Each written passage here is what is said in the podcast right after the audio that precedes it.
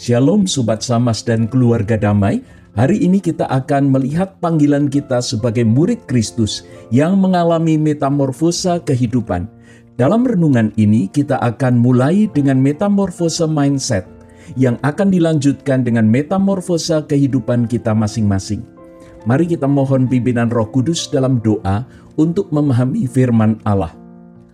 Bapa, kami ingin mengalami sebuah kehidupan yang baik, yang berkenan kepada Allah dan yang sempurna.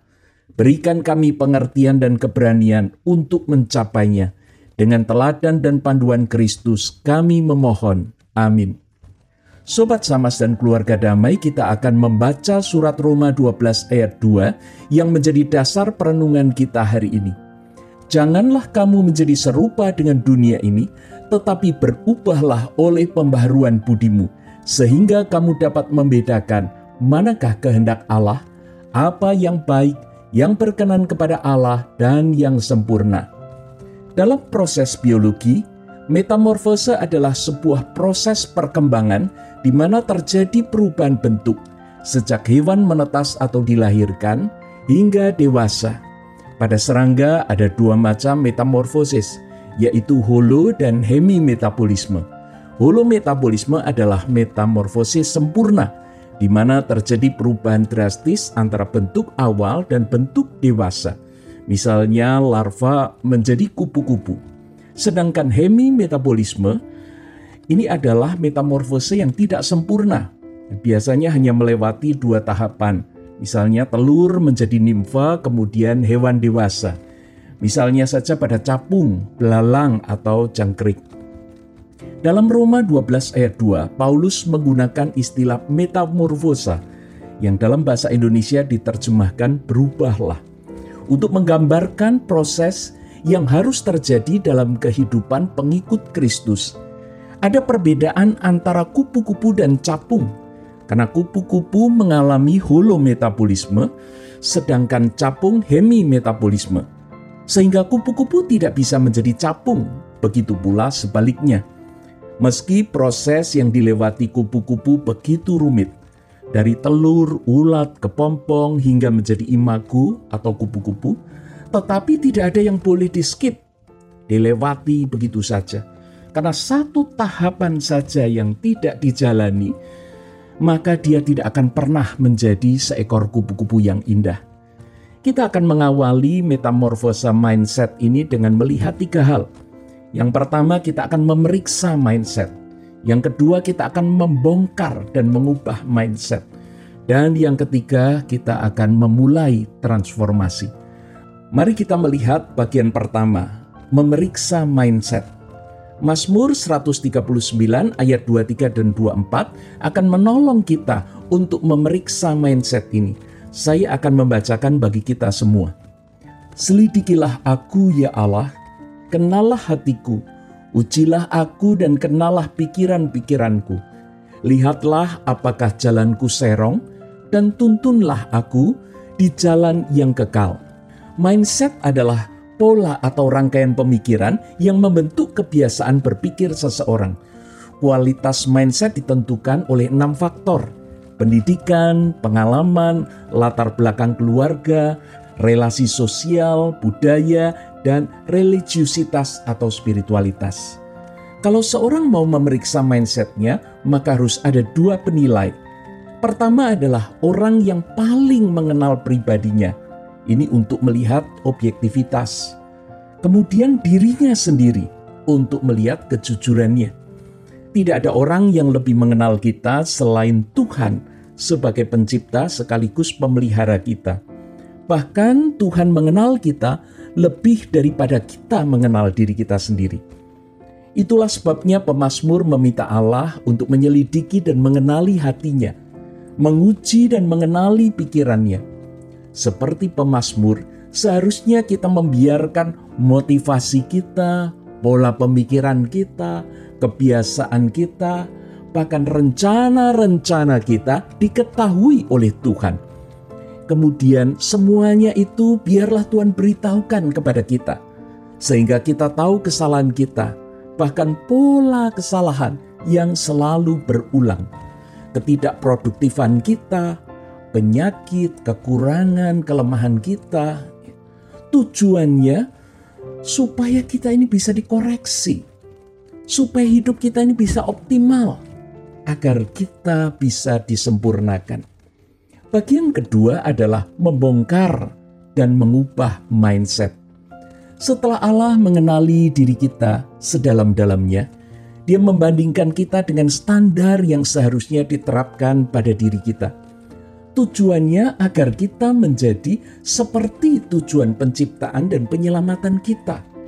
Kupu-kupu tidak akan dibiarkan menjadi capung, karena kupu-kupu memang bukan capung. Begitu juga soal daya juang dalam proses holometabolisme, maka untuk menjadi kupu-kupu ulat itu harus berganti kulit hingga lima atau enam kali. Dan saat dia menjadi kepompong, dia harus puasa makan minum antara 7 sampai 20 hari. Ini tergantung jenisnya. Bahkan saat kepompong itu mulai robek, lalu dia keluar ya, sayapnya masih lemah, kusut dan basah. Ini semua harus dilewati, tidak enak. Tetapi untuk menjadi kupu-kupu yang indah, dia harus ada atau melewati bagian itu. Sobat Samas dan keluarga damai, Tuhan tidak akan membiarkan kita menjadi serupa dengan dunia ini.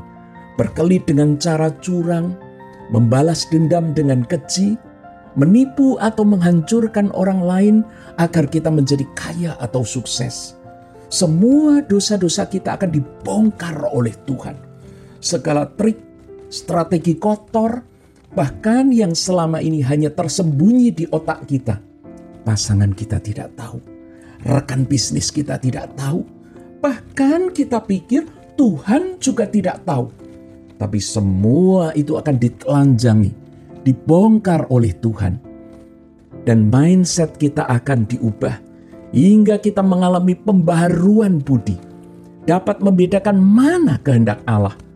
Apa yang baik yang berkenan kepada Allah dan yang sempurna. Kita akan menjadi alergi dengan trik-trik busuk kita yang lama. Kita akan menjadi malu saat kita masih menyimpan dosa-dosa itu. Kita akan gelisah dan merasa harus segera bertobat. Dan poin yang terakhir adalah memulai transformasi. Sobat Samas dan keluarga damai, bagian terakhir dari Mazmur 139 ayat 24 menjadi panduan kita untuk memulai transformasi. Tuntunlah aku di jalan yang kekal. Mindset kita sudah diperiksa dan dibongkar. Kini saatnya memulai transformasi, yaitu perubahan yang menetap ke arah yang benar. Enam faktor yang mempengaruhi kualitas mindset tadi akan menjadi fokus penataan kita untuk memulai transformasi. Kita harus siap dididik dengan benar, mengalami pengalaman-pengalaman perbaikan, membentuk keluarga yang harmonis, menjalin relasi sosial yang sehat, memahami budaya dengan baik dan meninggalkan kebiasaan buruk, memasuki kehidupan religius dan spiritualitas yang kudus sesuai teladan Kristus Akhirnya, jadilah kupu-kupu, karena kita bukan capung.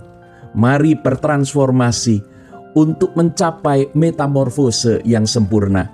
Mari kita bawa diri kita seutuhnya ke hadapan Tuhan dalam doa.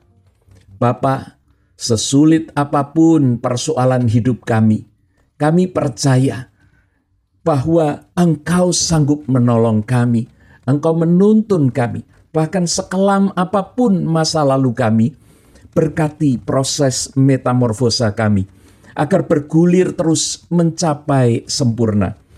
Kami berdoa untuk kami, keluarga, rekan-rekan yang sakit, yang berjuang dalam kepayahan, bahkan mulai tawar hati. Berikanlah pengharapanmu, karena engkaulah Allah penyembuh yang sanggup memulihkan kami kami berdoa untuk para nakes, semua upaya penelitian untuk memberikan pengobatan yang tepat. Bersama pemerintah yang harus menetapkan kebijakan untuk mengupayakan disiplin bersama.